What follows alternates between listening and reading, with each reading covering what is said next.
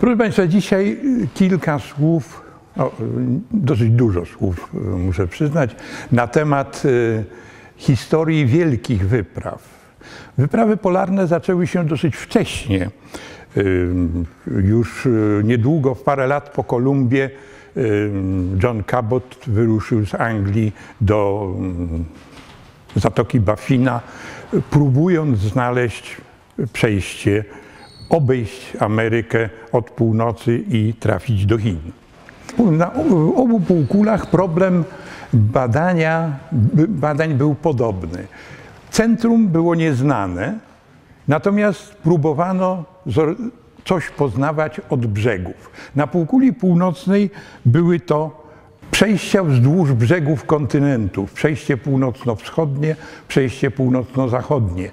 Y, oba mm, były mm, celem bardzo wielu wypraw.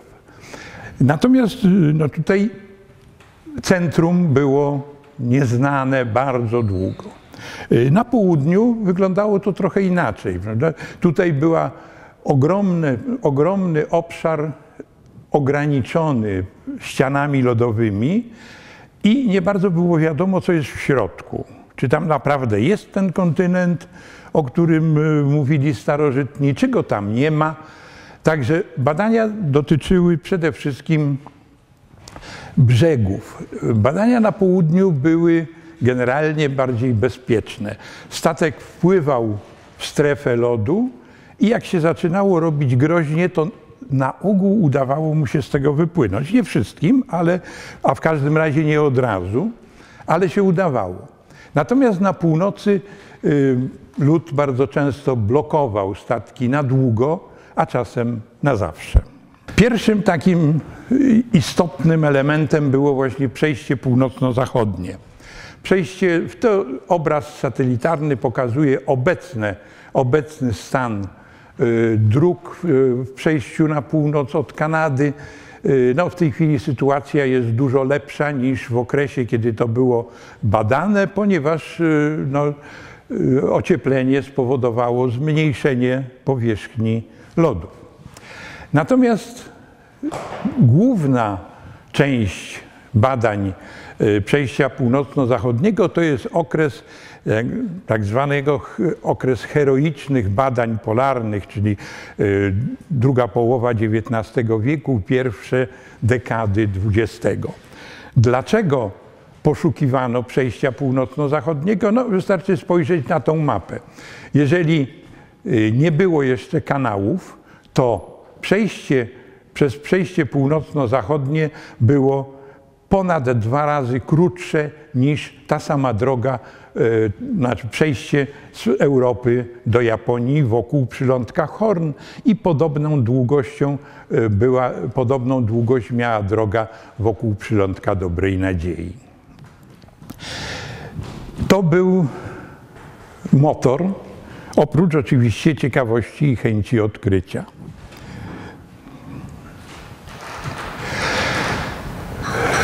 Bardzo wypraw, które docierały do przejścia, próbowały przejść przez przejście północno-zachodnie, było bardzo wiele. E, najbardziej dramatyczną chyba była wyprawa prowadzona przez Johna Franklina.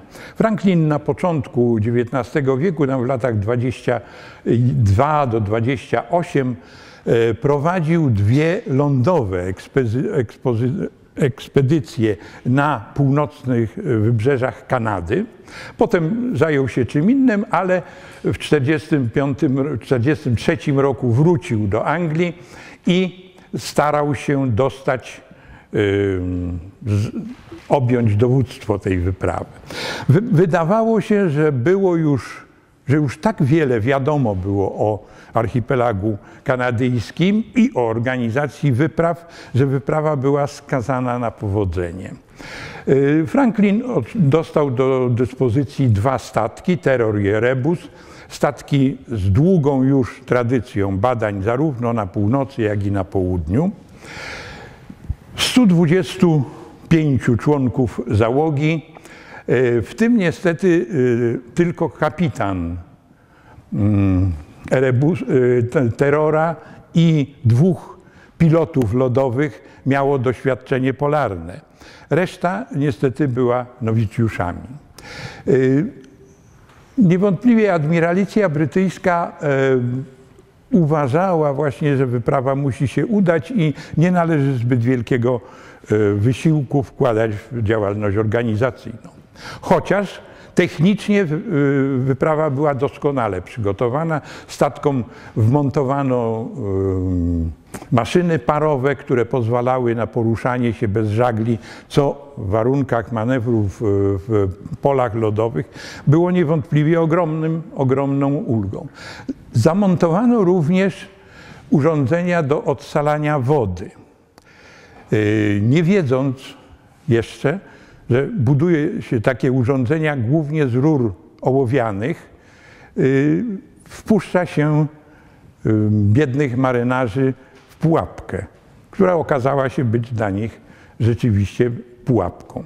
Statek wyruszył w czerwcu z Anglii, dopłynął do Zatoki Baffina, potem wszedł w cieśniny w obrębie archipelagu kanadyjskiego, ale niedługo zdążył płynąć na zachód. Okazało się, że bariera lodowa blokuje tutaj drogę, wobec czego jedyna wolna droga w tym momencie to była droga na północ, ale tam też bariera lodowa nie pozwoliła płynąć dalej.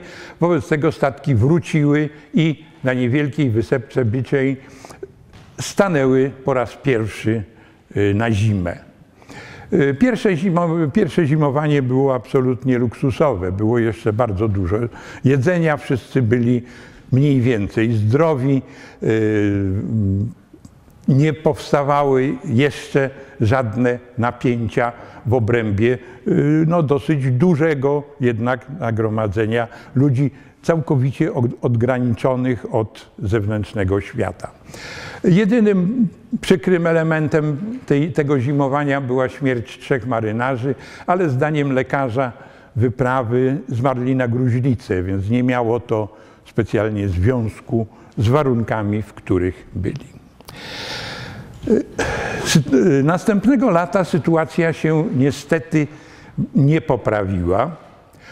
Otwarła się jedynie droga na południe i statki popłynęły sto kilkadziesiąt mil morskich na południe, dotarły do północnej, no, zachodniej części wyspy króla Williama i tam ugrzęzły w lodach. Tym razem okazało się, że ugrzęzły na dobre, bo spędziły tam trzy zimy. Z, każdą z każdym rokiem było coraz gorzej. Kończyły się zapasy żywności, rosły napięcia w obrębie za, załóg. Marynarze chorowali. Zaczęła się, zaczął się, zaczęły się dziwne dosyć objawy.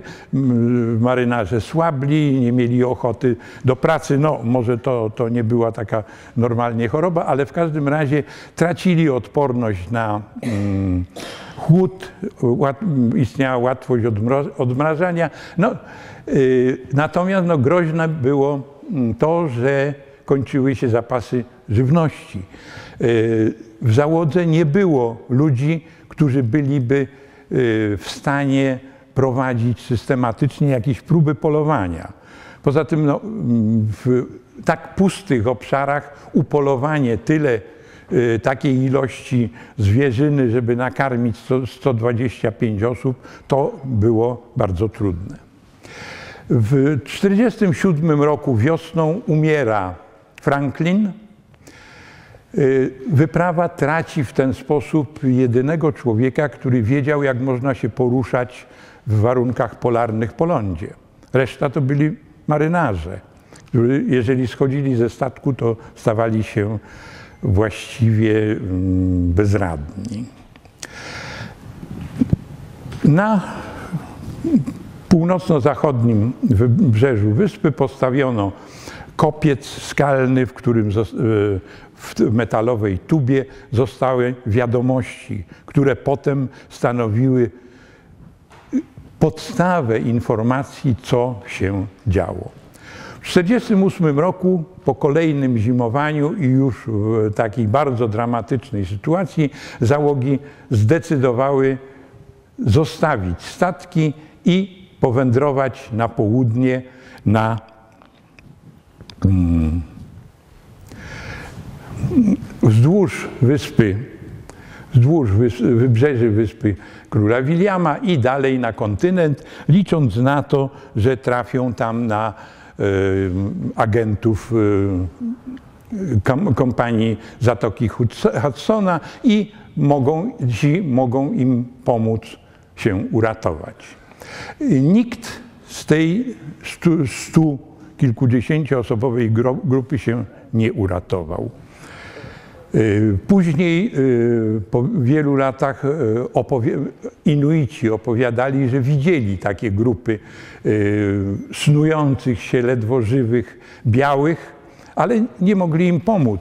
Było ich za mało na to, żeby polować w tych warunkach i karmić białych. Zresztą Anglicy nie próbowali nawiązać z nimi żadnych kontaktów. Jednak traktowali ich jako gorszy gatunek ludzi.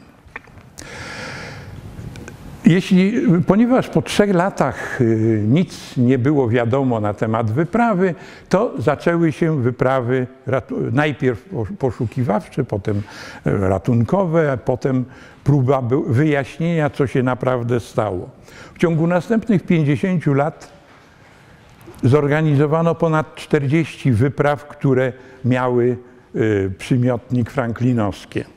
W, ty, w czasie tych wypraw zginęło więcej osób niż zginęło w wyprawie Franklina. Natomiast no, wyjaśniło się tyle, że znaleziono wzdłuż wybrzeży wyspy, potem na kontynencie szczątki. Szczątki ludzi, yy, szczątki wyposażenia. Yy, na ludzkich szczątkach, kościach znaleziono ślady świadczące o kanibalizmie. Wywołało to mm, w, taka wiadomość burzę w brytyjskim środowisku. Uważano, że e, to jest oszczerstwo, że niemożliwe, aby Brytyjczycy dopuścili się do tak ohydnych czynów.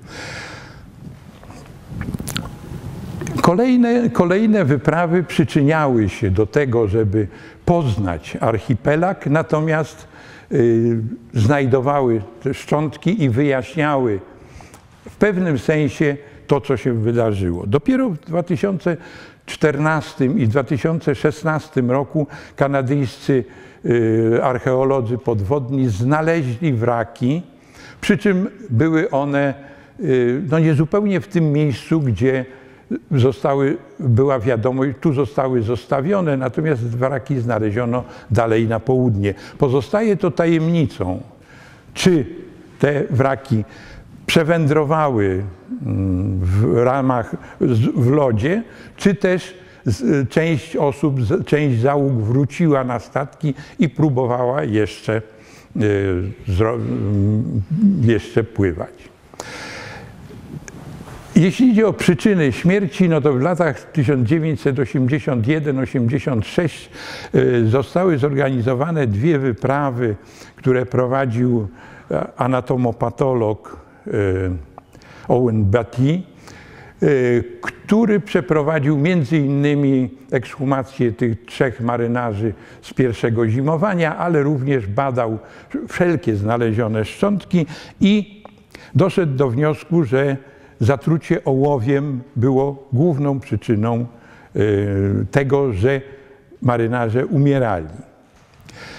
Skąd ołów? No, jak wiem, z jednej strony to była y, instalacja odsalania wody, druga to były konserwy.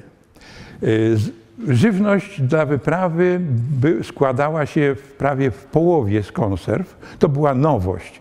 Konserwy y, metalowe, puszki były opatentowane 20 lat wcześniej. Wydawaje, wydaje się, jakby admiralicja kupowała to jedzenie Y, jakby posługiwała się naszą ustawą o, za, o zamówieniach publicznych, y, gdzie głównym y, kryterium jest cena, a drugim kryterium jest znajomość. Okazało się, że firma, która dostarczyła, dostarczała konserwy, powstała pół roku wcześniej, przed wyjazdem wyprawy, głównie za, w celu dostarczania konserw dla tej wyprawy. Y, no, nie mieli y, odpowiedniego doświadczenia przy lutowaniu konserw, które odbywały się ołowiem. Duża ilość ołowiu dostawała się do środka. Stąd poziom ołowiu w szczątkach y, uczestników wyprawy był 200 razy wyższy od poziomu ołowiu stwierdzanego u Inuitów żyjących na tym terenie. Także ta sprawa przynajmniej jest, wydaje się być wyjaśniona. Ale mimo tej ilości, ogromnej ilości wypraw, problem nawigacyjny przejścia północno-zachodniego nie został rozwiązany do 1903 mm, roku. Tu pojawił się już nie taki nowy człowiek w badaniach polarnych, bo Amundsen już w międzyczasie zdążył być y, mm, starszym oficerem na wypra belgijskiej wyprawy Belgiki y, i działał już na, w wielu miejscach w strefach polarnych. Tutaj zorganizował wyprawę, która była w pewnym sensie z zaprzeczeniem wyprawy Franklina. Na maleńkim drewnianym stateczku, mającym 17 metrów chyba, czyli taki większy jacht, z pięcioosobową załogą i zapasem żywności na rok, wpłynął tras, do, powtarzając dokładnie trasę y, Franklina, z tym, że od zimowania popłynął na południe i w ciągu pierwszego sezonu dotarł do południowo-wschodnich wybrzeży Wyspy Króla Williama. Tam znalazł bardzo wygodną zatoczkę, wpłynął i zdecydował się na zimowanie. Y, lody zrobiły mu niespodziankę, zimował tam przez dwa lata. Ale w przeciwieństwie do Anglików, którzy nie nawiązywali żadnych kontaktów z e, Inuitami, on nawiązał te kontakty bardzo dobrze. Wokół zatoczki, w której stała Gioa, bo tak nazywał się ten statyczek, e, powstało kilka osiedli inuickich, z którymi Amundsen bardzo dobrze współpracował. Uczył się, czy wszyscy e, była tak mała grupa, że nie, nie stanowiło to problemu. E, uczył się polować na lodzie, uczył się prowadzić psie zaprzęgi. Wykonywał oprócz tego dalekie wyprawy tymi saniami. Między innymi e, udało mu się z, z, ustalić miejsce północnego bieguna magnetycznego. Ku jego wielkiemu zdziwieniu ten biegun był w zupełnie innym miejscu niż 80 y, lat wcześniej y, ustalił y, Ross. No, był to początek, początek badań tego, że biegun, bieguny magnetyczne przesuwają się dosyć wyraźnie. W tej chwili biegun magnetyczny znajduje się już po wschodniej stronie bieguna geograficznego, a nie tak jak tutaj wiele set kilometrów po stronie zachodniej. Po dwóch latach zimowania mm, warunki się zmieniły na pozytywne. Gia wypłynęła na Morze Beauforta. Tam jeszcze raz y, Amundsen musiał zimować, no bo skończył mu się czas, ale w 1906 roku dopłynął do San Francisco. Statek został podarowany miastu i mm, i do roku 1972 pełnił tam rolę pomnika. Natomiast w 1972 Norwegia e, chyba odkupiła ten mm, stateczek i znalazł on właściwe miejsce w Muzeum Morskim w Oslo, obok pawilonu e, Frama, równie znanego statku, o którym będziemy mówić za chwilę.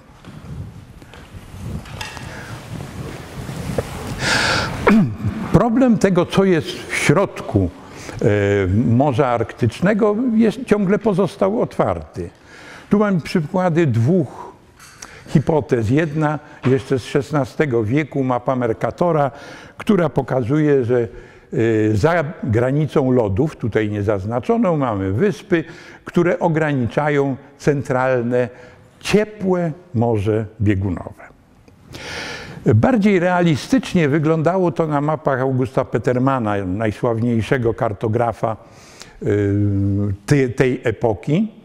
Tutaj już zarysy kontynentów były mniej więcej odpowiadały rzeczywistości, natomiast Peterman był również zwolennikiem istnienia kontynentu, który zaczynał się na zachodzie Grenlandią, a kończył się na wschodzie ziemią Wrangla.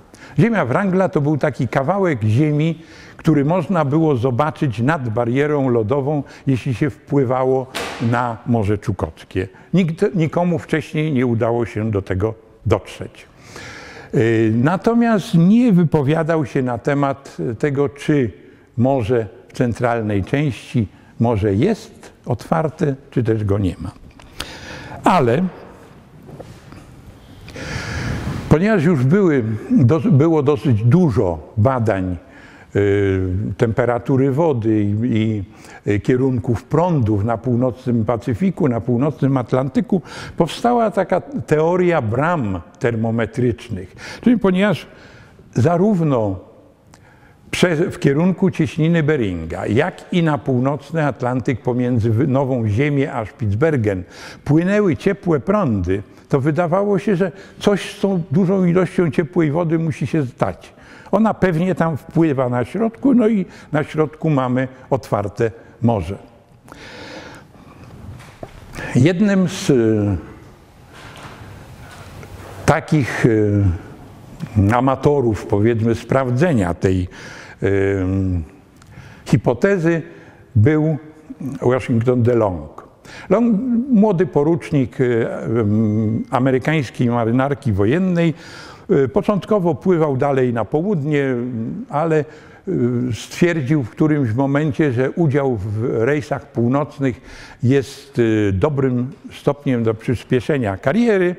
Udał się na jedną z wypraw, gdzie złapał polarnego bakcyla i zaczął marzyć o zdobyciu bieguna. E, marynarka wojenna Stanów Zjednoczonych była wtedy instytucją tak biedną, e, trochę śmiesznie to brzmi, prawda, e, w tej chwili, że nie stać jej było na kupienie statku, czy zbudowanie statku i wyekwipowanie wyprawy. Natomiast przy pomocy, czy przez kontakty z wspomnianym już Petermanem, DeLong trafił na kolejnego amatora wielkich przygód, Gordona Beneta. Bennett był y, naczelnym redaktorem i właścicielem y, New York Herald, jednej z największych w owym czasie gazet, i uważał, że prasa nie tylko powinna informować o tym, co się wydarzyło, ale od czasu do czasu tworzyć pewne wydarzenia. Y, kilka lat wcześniej, kilkanaście lat wcześniej, Bennett stworzył takie wydarzenie. Wysłał swoich y, dziennikarzy do Afryki, y, żeby poszukały zaginionej tam podobno wyprawy Livingstone, Levin, no, Livingstona. I Oczywiście wyprawa została znaleziona, a reportaże, które pisał Stanley z tej wyprawy, przyczyniły się do bardzo mm, wyraźnego wzrostu konta e, w banku e, Beneta. Tym razem Bennett postanowił zorganizować wyprawę polarną, wyprawę na biegun. E, początkowo zamierzał sam tam popłynąć, no ale skoro znalazł bardzo dzielnego amatora, to postanowił mu tą wyprawę sfinansować. Została w Anglii zakupiony statek, częściowo wyremontowany. Tam y, potem y, DeLong przeprowadził go do Hawru, na, y, gdzie podniesiono na statku banderę Stanów i zmieniono mu nazwę na Jeanette. To było imię siostry Beneta. Statek został przeprowadzony do San Francisco, tam w stoczni marynarki wojennej, ale za pieniądze Beneta został przeprowadzony bardzo mm, daleko idący remont. Wbudowano również maszynę parową, urządzenia grzewcze i wzmocniono konstrukcję statku bardzo skomplikowanym systemem belkowania. Tu warto zwrócić uwagę, że burty statku w przekroju na wysokości linii wodnej, czy od wysokości, w okolicy linii wodnej, były pochylone w kierunku osi statku. Jakie to miało znaczenie? No, jeżeli naciskały z boku płyty lodowe, to oczywiście ześlizgiwały się w górę, spiętrzały się i w ten sposób burty były łamane i statek mógł zostać zniszczony. Statek został wyposażony, zaopatrzony na, w żywność, jak to zwykle w owym czasie było, na trzy lata. Doskonale zaopatrzony w aparaturę naukową, parę różnych nowinek również, na przykład łukowe lampy do oświetlenia pokładu w czasie nocy polarnej, ale również telefon. Telefon, który miał służyć do komunikacji między statkiem a budowanymi na lodzie obserwatoriami. W końcu w, lipcu 1870 roku statek wypłynął z San Francisco, bez kłopotów dostał się do cieśniny Beringa, wypłynął dalej na północ i co się stało? No, zobaczył za barierą lodową ziemię Wrangla. Natomiast statek wmarsł w lód i zaczął z tą pokrywą lodową dryfować. Dryfował, jak tu widać, w bardzo zmienny sposób, aż do 12 czerwca 1981 roku, czyli przez prawie dwa lata. Na początku załoga mieszkała na statku, wszystko było bardzo dobrze prowadzono, liczne, bardzo precyzyjne obserwacje. Przy okazji dryfowania wokół ziemi Wrangla zrobiono wyprawę psim, psim zaprzęgiem. Okazało się, że ziemia Wrangla to, jest, to nie jest początek kontynentu, tylko niewielka zupełnie wyspa. 12 czerwca statek został zgnieciony przez lody i zatonął. Niezupełnie pewne elementy statku zostały na powierzchni lodów, co miało wyjątkowo dalekie, dalekosiężne skutki, jak się za chwilkę przekonamy. Załoga, która uratowała żywność, sprzęt, również dzienniki pokładowe i dzienniki obserwacji, zaczęła się poruszać po lodzie, ciągnąc łodzie te za sobą. Najpierw, najpierw ciągnęła po lodzie, potem udało się, w końcu lód się skończył, płyn, y, posuwali się na południe w kierunku Wysp Nowosyberyjskich, więc zaczęli wreszcie płynąć. Byli już bardzo blisko. DeLong kierował się na y, deltę Leny, ponieważ na mapach, które dostał od Petermana, było, były tam osiedla ludzkie, więc liczył na to, że y, znajdzie tam tubylców, którzy, którzy będą w stanie im pomóc. W ostatnim rejsie w czasie Najpierw łodzie płynęły razem, potem zaczął się sztorm, zostały oddzielone od siebie. Jedna z Delongiem jako dowódcą dopłynęła do północnej części delty, druga z inżynierem pokładowym Melvillem dopłynęła daleko na południowy wschód, trzecia w sztormie zaginęła razem z ośmioma członkami załogi. Na północy mm, było tak płytko przy brzegu, że za, załoga musiała, żeby przenieść ładunek z łodzi na brzeg, musiała brnąć e, no, dosyć głęboko po wodzie, ale przeniosła wszystko, również pamiętając o dziennikach pokładowych i dziennikach obserwacyjnych. Te materiały zostały dosyć szybko w pierwszym bezpiecznym miejscu zakopane. No, będziemy mieli okazję je później odszukać. Y, delta była pusta zupełnie. Nie było ludzi, nie było zwierząt. Y, re, y, resztki żywności starczyły na kilka dni. Potem grupa, dosyć duża, kilkunastoosobowa, zaczęła cierpieć głód. No i zaczęły się warunki już zimowe, mrozy, zaczęła być coraz słabsza. DeLong wysłał dwóch najsilniejszych marynarzy na południe, na, ponieważ tam miał, wiedział, że mają być jakieś miejscowości. Rzeczywiście te miejscowości się znalazły.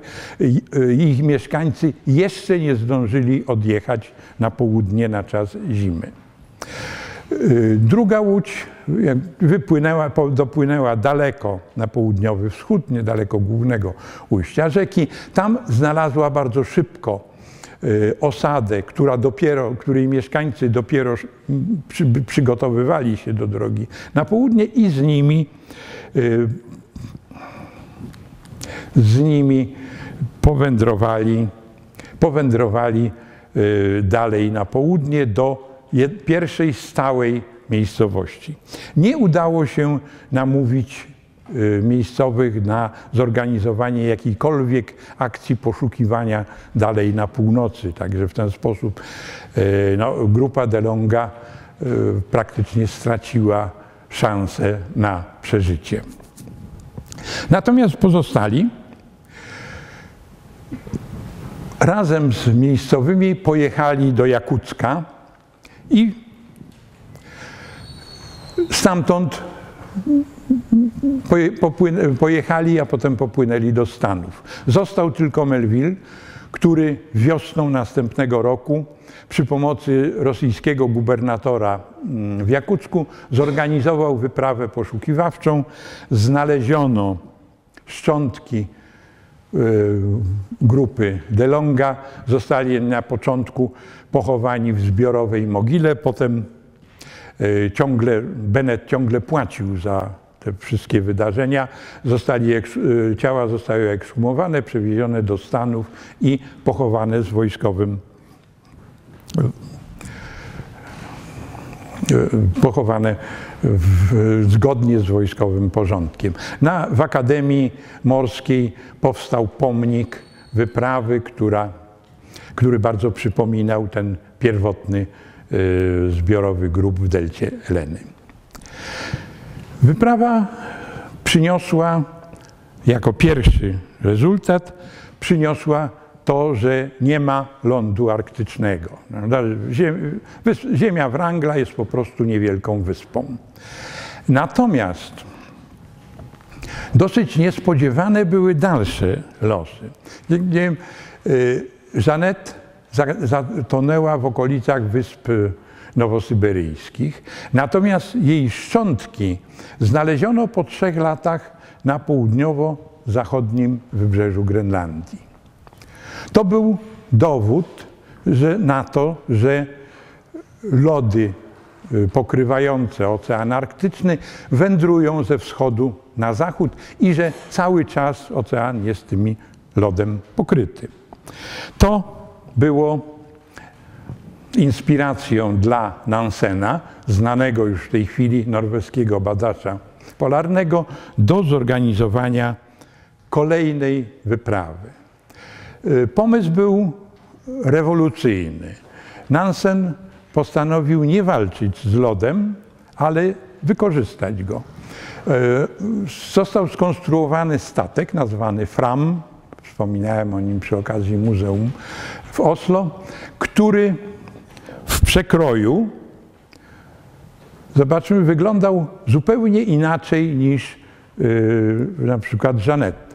Burty były już wysoko nad linią wodną, pochylone w kierunku kila kierunku osi statku. Pomysł był taki, że jeżeli tutaj pola lodowe będą naciskać, to się będą ześlizgiwać po burtach, wchodzić pod statek i najlepszym zdaniem Nansena i rozwiązaniem będzie, kiedy ta, ten lód wypchnie statek na powierzchnię. Będzie on w ten sposób całkowicie bezpieczny.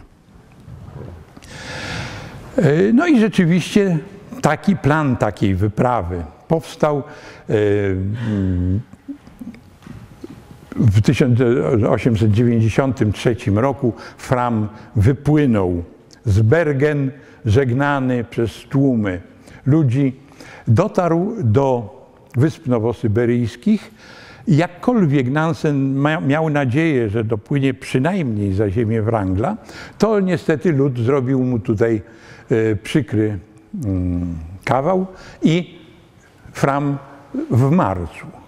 Ale po kilku sztormowych i bardzo gwałtownych naciskach lodów e, został rzeczywiście, zgodnie z tym, co Nansen planował, można powiedzieć, wypchnięty na powierzchnię i bezpiecznie zaczął wędrować na lodzie.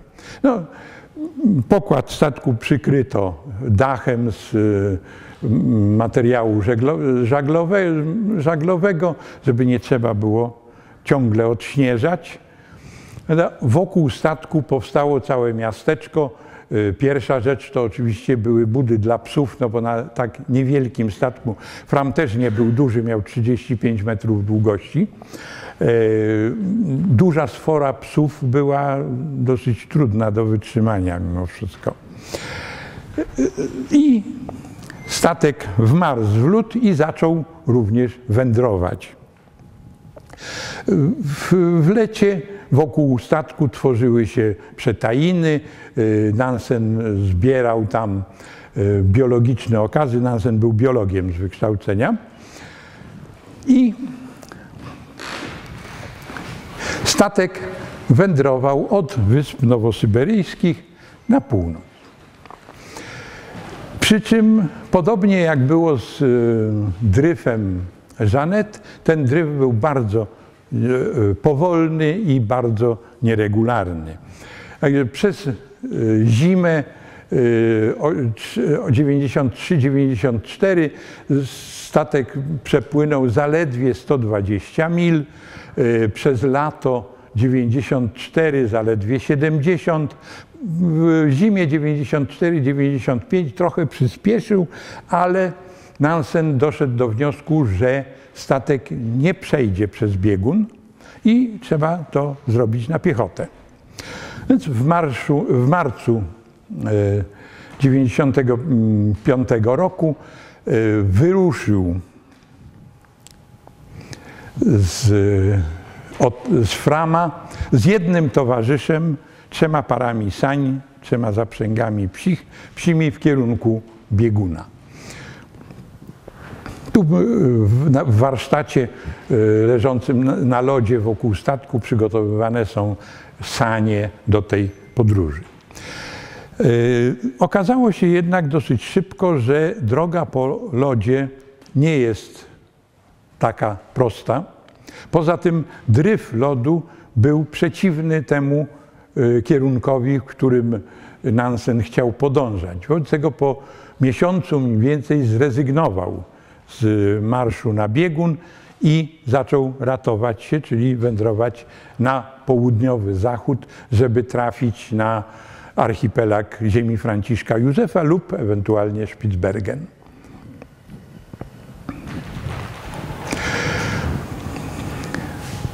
Przez całe lato 95 roku udało im się rzeczywiście dotrzeć do ziemi Franciszka Józefa, ale tutaj złapała ich następna zima. Y, tu już warunki zimowania były y, całkowicie pionierskie. Y, zimowali w jamie obudowanej kamieniami i bryłami lodu, uszczelnionej skórami morsów i żyli jak Inuici. Żywili się surowym mięsem upolowanych zwierząt. Na szczęście tych zwierząt było dosyć dużo. Y, oświetlenie stanowiła palący się tłuszcz morsów i tak przetrwali zimę 95-96. Potem udali się dalej na pół i na ostatniej wyspie archipelagu spotkali wyprawę, to jeszcze nie, spotkali wyprawę, brytyjską wyprawę, która wybierała się na biegun. Zostali, ich statek odwiózł ich do Norwegii. Po dwóch tygodniach okazało się, że do Norwegii przypłynął również Fram, który zdążył e, uwolnić się od lodów e, i cała ekipa płynęła wzdłuż wybrzeży norweskich, wzbudzając ogólną radość i sensację. Wyprawa przywiozła ogromną ilość materiału obserwacyjnego, bo obserwacje były prowadzone cały czas przez e, załogę Frama. Okazało się, że ta wewnętrzna część e, rzeczywiście jest cały czas pokryta lodem, poza tym jest tam głęboko. W którymś momencie okazało się, że lina e, sondy które mieli dwa kilometry, okazało się, że nie sięga dna. Wobec tego na lodzie rozkręcili ją na poszczególne skrętki i w ten sposób domierzyli się prawie 3 kilometrów. Wyprawa zakończyła się, no ta zakończyła się rzeczywiście wielkim sukcesem.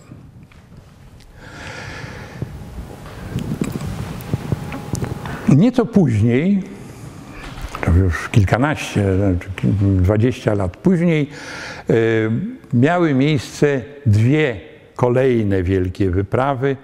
E, zwykle są one łączone ze względu, w takim pojęciu, że był to wyścig do bieguna.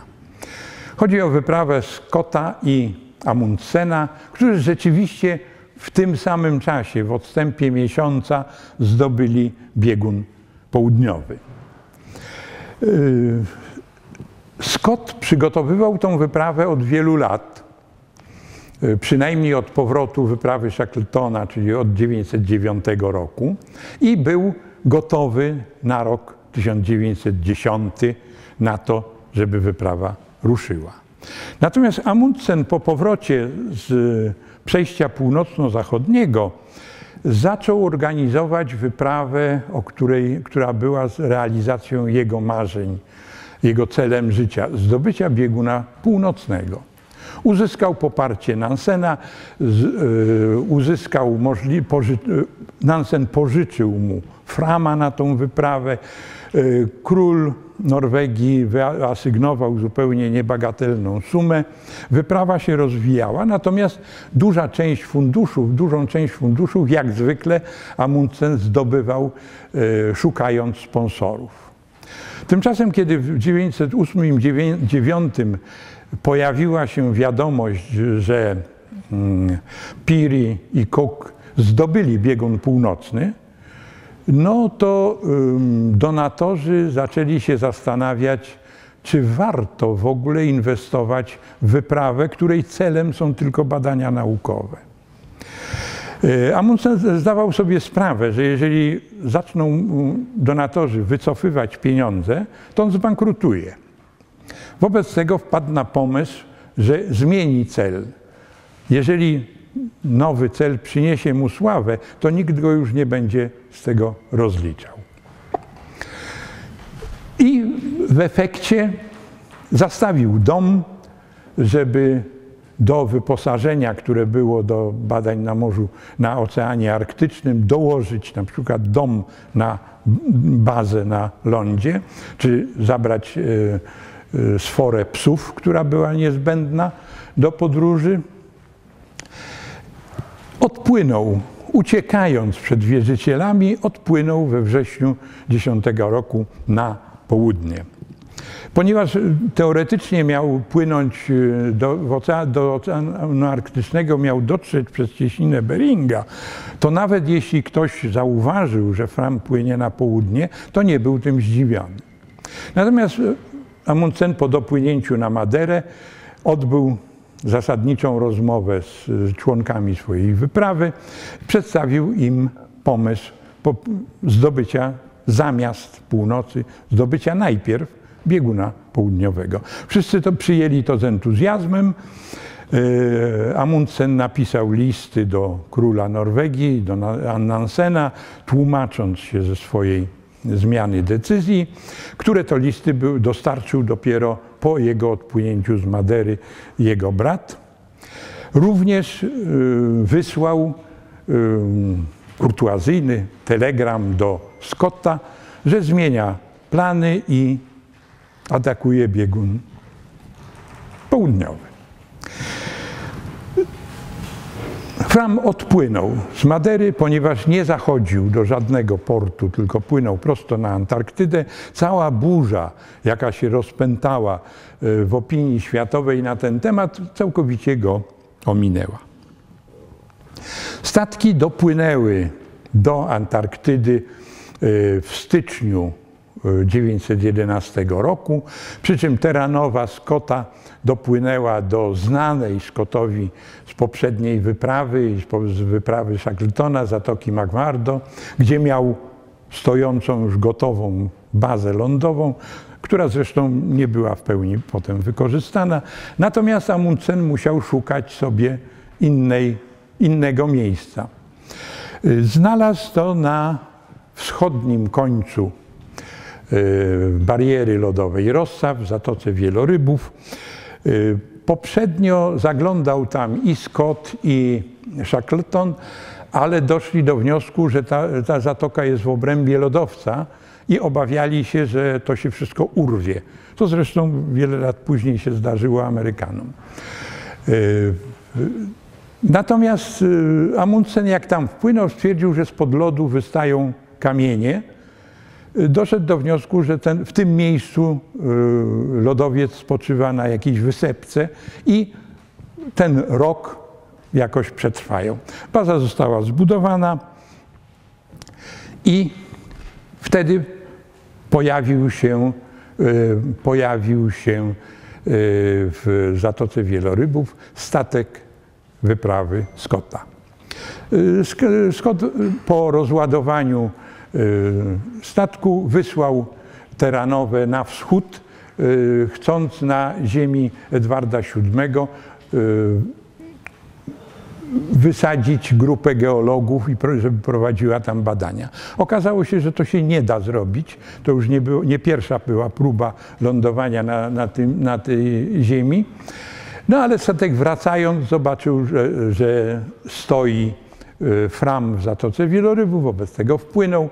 Spotkanie odbyło się y, całkowicie przyjacielsko. Kapitanowie zapraszali się na obiady wzajemnie, natomiast każdy z nich przywiózł y, swojemu pracodawcy no, nie, denerwujące nieco informacje. Kapitan terranowy przede wszystkim był mm, zdumiony i zachwycony y, bazą, którą zbudowali Norwedzy, a poza tym stwierdził, że Norwedzy mają prawie 100 psów, co zapewnia im bardzo szybką podróż. I to Scott się tym niewątpliwie przejął. Natomiast Amundsen dowiedział się, że Scott dysponuje e, dwoma już wtedy saniami motorowymi i jeśli by te sanie e, rzeczywiście działały, to na lodowcu szelfowym Rossa dawało to Scottowi ogromną przewagę. Jeszcze zanim nastąpiła zima, to obie wyprawy przygotowały składy z żywnością na przyszłej drodze. Y, Amundsen y, przygotował cztery składy, ostatni na 83 stopniu szerokości. Y, przy czym wyprawy do tych składów były takie, że grupa wyjeżdżała z bazy, dojeżdżała i wracała po dwóch tygodniach mniej więcej. Przy okazji weryfikowano różne elementy wyposażenia. Okazało się na przykład, że sanie nie muszą być takie masywne. E, udało się zmniejszyć ich wagę o dwie trzecie. To była bardzo duża różnica dla psów przede wszystkim. Mm, producent sań, producent nart był członkiem wyprawy. Był równocześnie mistrzem świata w biegach narciarskich w tym czasie. Oprócz tego przekonstruowano skrzynie ładunkowe na saniach, aby nie otwierały się od góry, tylko z boków. Co to dawało? No to, że nie trzeba było sań, y, skrzyń zdejmować sań, a przede wszystkim rozwiązywać y, skomplikowanej uprzęży utrzymującej to na saniach. Ponadto stwierdzono, że Amundsen planował, że grupa pięcioosobowa, grupa y, biegunowa będzie używała dwóch małych namiotów. Okazało się to niepraktyczne. Y, czas przeznaczony na budowę dwóch namiotów i ilość pracy, którą trzeba było włożyć, była znacznie większa niż postawienie jednego większego. Wobec tego taki namiot uszyto. Y, nawet pewnie kilka egzemplarzy. Ponadto stwierdzono, że y, inuickie futrzane ubrania są momentami za ciepłe i trzeba uszyć ubrania chłodniejsze, no, żeby się ludzie nie gotowali. Natomiast wyprawa Scotta e, zimę spędziła na zajęciach kameralnych, były wykłady e, naukowców, były opowieści o innych wyprawach. E, natomiast fizycznie no, tylko oprowadzano koniki, bo one wymagały tego, żeby codziennie jednak poszły na spacer. Kiedy skończyła się zima, obie grupy były gotowe do ataku biegunowego. Amundsen chciał ruszyć jak najwcześniej. Wyruszy, pierwszą próbę podjął już pod koniec sierpnia, ale okazało się, że antarktyczne lato jest dużo gorsze niż arktyczne i po y, trzech tygodniach grupa zrezygnowała, wróciła do bazy. Ponowne wyjście było 19 października. Pięć, pięciu ludzi, cztery pary sań, 58 psów posuwali się zgodnie zaplanowaną, no najprostszą możliwą drogą. E, Zatoka, Zatoka Wielorybów leży o prawie 180 e, km bliżej do bieguna niż Zatoka Magmardo. Także Amundsen miał krótszą drogę, ale przede wszystkim y, miał psy, które ciągnęły y, cały ładunek. Natomiast nie znał drogi zupełnie. Problem był z przejściem przez y, góry transantarktyczne i wyjściem na mm, płaskowyż.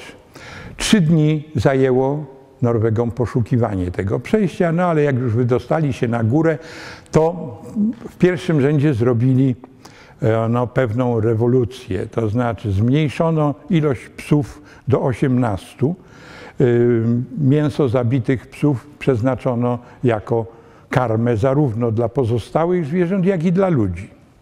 To było wliczone e, w ilość wiezionego wiezionej y, żywności.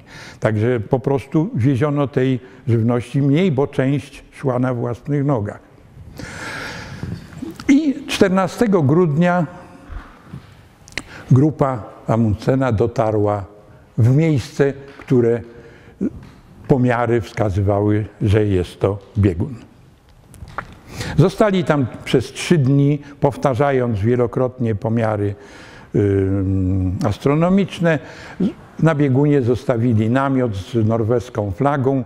Wewnątrz były dwa listy y, napisane przez Amundsena. Jeden był do Scotta z prośbą, żeby ten drugi list, który był adresowany do króla Norwegii, przekazał królowi, jeśli by Amundsen nie wrócił. Tymczasem grupa Scotta miała zupełnie inną, inną technikę poruszania się. A przede wszystkim e, ważne było, że w trakcie zakładania składów żywnościowych z powodu podstawowych kłopotów. Sanie, sanie motorowe zepsuły się po 100 kilometrach i y, trzeba było ciągnąć y, idąc piechotą Y, sanie z całym ładunkiem. I w związku z tym pierwszy pierwszy ładunek, pierwsze miejsce bazy, pierwsza baza, duża baza, tak zwana baza jednej tony, została założona o 40 kilometrów bliżej niż było to planowane. Być może był to jeden ze powodów tragicznego zakończenia tej wyprawy. Grupa hmm, Scotta wyruszyła, 16-osobowa, wyruszyła z bazy. Założenie było takie, że grupy pomocnicze po, pewnych, po spełnieniu swojego zadania wracają do bazy. I tym pomocnikom wszystko się udało. Wszyscy uczestnicy grup pomocniczych wrócili do bazy. Natomiast właściwie grupa wędrowała na północ już na podejściu do lodowca Bredmura, który był znany z wyprawy Shackletona. Scott wiedział, jak należy przedostać się na płaskowyż polarny. Już mieli dwa tygodnie spóźnienia. Po wyjściu na płaskowyż, no, tam już Brytyjczycy ciągnęli honorowo sanie, idąc piechotą, nawet bez nart. W związku z tym dotarli na biegun 17 stycznia, czyli ponad miesiąc po Norwegach. Rozczarowanie było ogromne. No, tak, tak dalece, że Scott nie próbował nawet sprawdzać pomiarów astronomicznych Norwegów, tylko grupa natychmiast zawróciła z powrotem. Przez pierwsze trzy tygodnie poruszali się dosyć sprawnie, ale ponieważ mieli racje żywnościowe bardzo skromnie wyliczone, no bo mieli tą świadomość, że muszą to sami ciągnąć, to niedożywienie zaczęło się wyraźnie zaznaczać tym, że ludzie słabli i stracili odporność na zimno. Już nad, już nad lodowcem Bredmura zaczę, zaczęli poruszać się znacznie wolniej. Przy zejściu z lodowca jeden z uczestników spadł z lodospadu i umarł w wyniku obrażeń, został tam pochowany. Pozostali znaleźli się na lodow, powierzchni lodowca. Dwa składy żywnościowe, które udało im się odnaleźć, uratowały im życie, ale byli coraz słabsi, bo mieli fatalne warunki pogodowe, ponieważ to już było coraz bliżej kolejnej zimy i rozpętywały się bardzo silne burze, przy czym wiatry wiały z północy, czyli w twarz wędrujących. 17 marca jeden z czwórki wędrowców doszedł do wniosku, że on już dalej nie jest w stanie iść. Pożegnał się z pozostałymi, wyszedł z namiotu. No i nigdy nie znaleziono jego ciała. Trójka, pozostała trójka jeszcze jeden, dwa dni zdołała prawie pełznąć, pełznąc, posuwać się na południe, ale w końcu rozbiła namiot i już tak została. Z notatek, y, y, które do ostatniej chwili prawie prowadził Scott, wynikało, że umarł, wynika, że umarł jako ostatni 29 marca. Y, wyprawa została podzielona. Osiem osób wróciło teranową do mm, Australii, natomiast 11 zostało na kolejne zimowanie i ewentualne czekanie na powrót grupy Scotta, co się nie zdarzyło.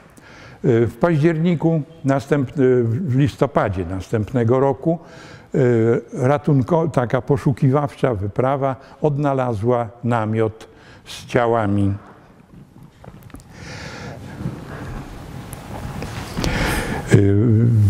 Scotta i towarzyszy zostali pochowani w takim lodowym kopcu i tam pozostali.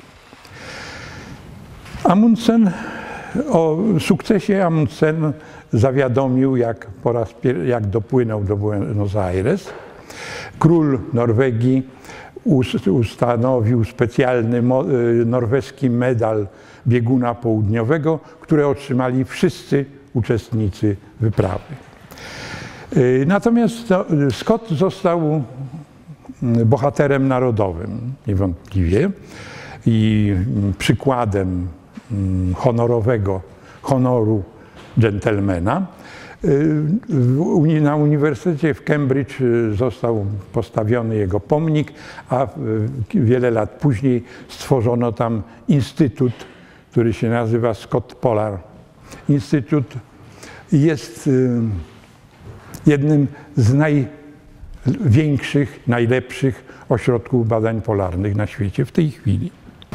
Ostatnia wyprawa, właściwie kończona, wyprawa, która kończyła y, tą y, erę wielkich y, wypraw, w tym wypadku antarktycznych, arktycznych, to była wyprawa Endurance prowadzona przez Shackletona.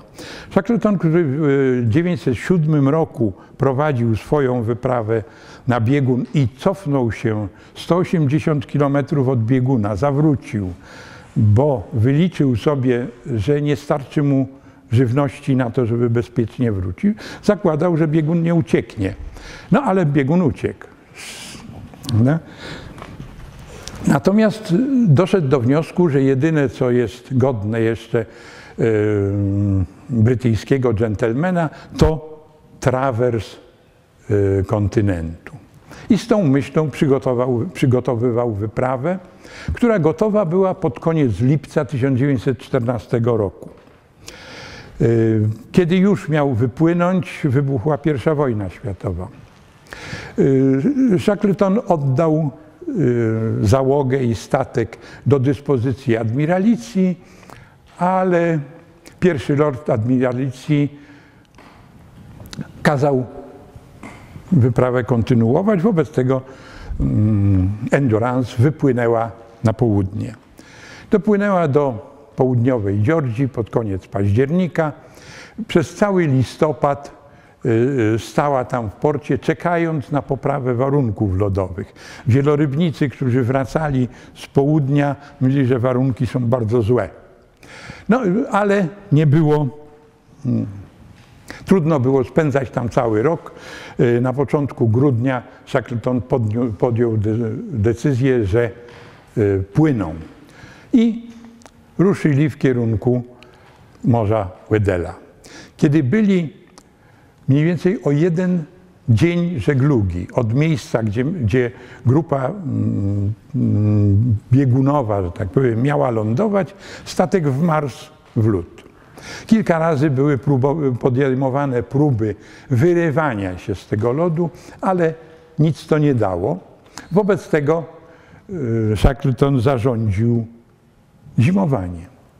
To było w ten sposób, wydano na przykład załodze ubrania grupy biegunowej, przebudowano częściowo wnętrze statku, żeby było cieplej. E, zrobiono, co było mm, ewenementem w marynarce, zrobiono jedną jadalnię dla całej załogi i oficerów. Był to e, świetny ruch ze strony, e, ze strony Shackletona, bo znacznie mm, poprawiło to generalnie wewnętrzne stosunki. Zresztą utrzymanie dobrej atmosfery wyprawowej jest jednym z elementów, który jest do dzisiaj podkreślany, y, jeśli idzie o Shackletona i tę jego wyprawę. Do tego stopnia, że jego decyzje, jego sposób reagowania jest y, eksploatowany, że tak powiem, w szkoleniach dla menedżerów wyższego stopnia. No, no Statek, statek na powierzchni lodu płynął.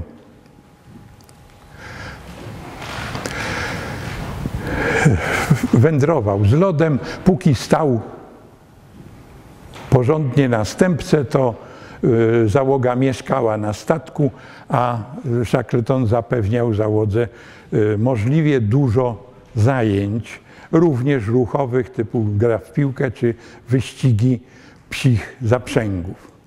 Ale kolejne, kolejne sztormy spowodowały najpierw uszkodzenie statku na tyle, że wiadomo było, że już nie popłynie. Potem został na tyle mocno wychylony, że cała załoga przeniosła się do obozu zrobionego na lodzie. W końcu Endurance zatonął, a załoga podjęła na początku próbę ciągnięcia łodzi, tak jak to było na przykład w przypadku DeLonga, ale tym razem to się nie udało. W ciągu trzech dni udało im się przeciągnąć te łodzie zaledwie o 8 kilometrów, ponieważ to, to było jeszcze lato, powierzchnia lodu była miękka bardzo i był ogromny opór. Nie dało się tego. Wobec tego cierpliwie, głodując częściowo, y, czekali, aż y, lód się rozstanie, rozstąpi i będzie można dalej płynąć, co rzeczywiście się wydarzyło. Natomiast było to już bardzo daleko y, na wysokości końca Półwyspu Antarktycznego. Próba płynięcia do wyspy King George nie dała rezultatów, ponieważ tu jest silny prąd i wiatry wiejące z, w kierunku wschodnim. Wobec tego udało się dopłynąć do wyspy Słoniowej. No, po ponad pół roku przebywania na lodzie, Y, półtora roku przebywania na lodzie. Y, w momencie, kiedy załoga znalazła się w całości na lądzie, to było no, pewna, pewien oddech. Ale Wyspa Słoniowa była daleka od y, jakichkolwiek szlaków żeglugowych, wobec czego groziło im kolejne zimowanie. Shackleton podjął jeszcze jedną, nie, nie ostatnią zresztą, dramatyczną decyzję, że jedną z szalup popłynie na e, południową Georgię po ratunek. To było 800 mil żeglugi na e, najbardziej burzliwych morzach świata. Rejs się udał. Bardzo ciężki, ale udał się, dopłynęli do, do wyspy, ale musieli wylądować po południowej stronie, podczas gdy porty Y, wielorybnicze były na północnej. Y, powrót, ruszenie z dalej łodzią już nie wchodziło w rachubę. Y, Shackleton zostawił trzech najsłabszych marynarzy w zabezpieczonej małej jaskini, a z dwójką następnych ruszył w poprzek wyspy. Nikt tego wcześniej przed nim nie robił. On też nie miał gwarancji, co z tym się stanie, ale uważał, że jest to jedyny sposób na uratowanie sytuacji. Tym razem natura uśmiechnęła się do Shackletona. Była pełnia księżyca, piękna pogoda, nie było wiatru. Po 30 godzinach morderczego marszu dotarli do osiedla wielorybniczego na północnym wybrzeżu. Tego samego dnia łódź wielorybnicza popłynęła po pozostawionych na południu marynarzy. Natomiast kilka dni później Shackleton wypłynął statkiem wielorybniczym w kierunku wyspy Słoniowej. Sytuacja lodowa była już tak trudna, że nie udało się do Wyspy Słoniowej dotrzeć, nawet nie udało się zbliżyć na tyle, żeby tych biedaków, którzy tam oczekiwali nerwowo na to, co się wydarzy, y, w jakiś sposób zawiadomić. Wielorybnicy przewieźli Shackletona na Falklandy. On tam y, starał się o wypożyczenie kolejnych statków i podjął kolejne trzy próby. Dwie pierwsze skończyły się tak jak ta pierwsza, o której mówiłem, natomiast za trzecim razem udało się do wyspy dopłynąć i zabrać uczestników wyprawy.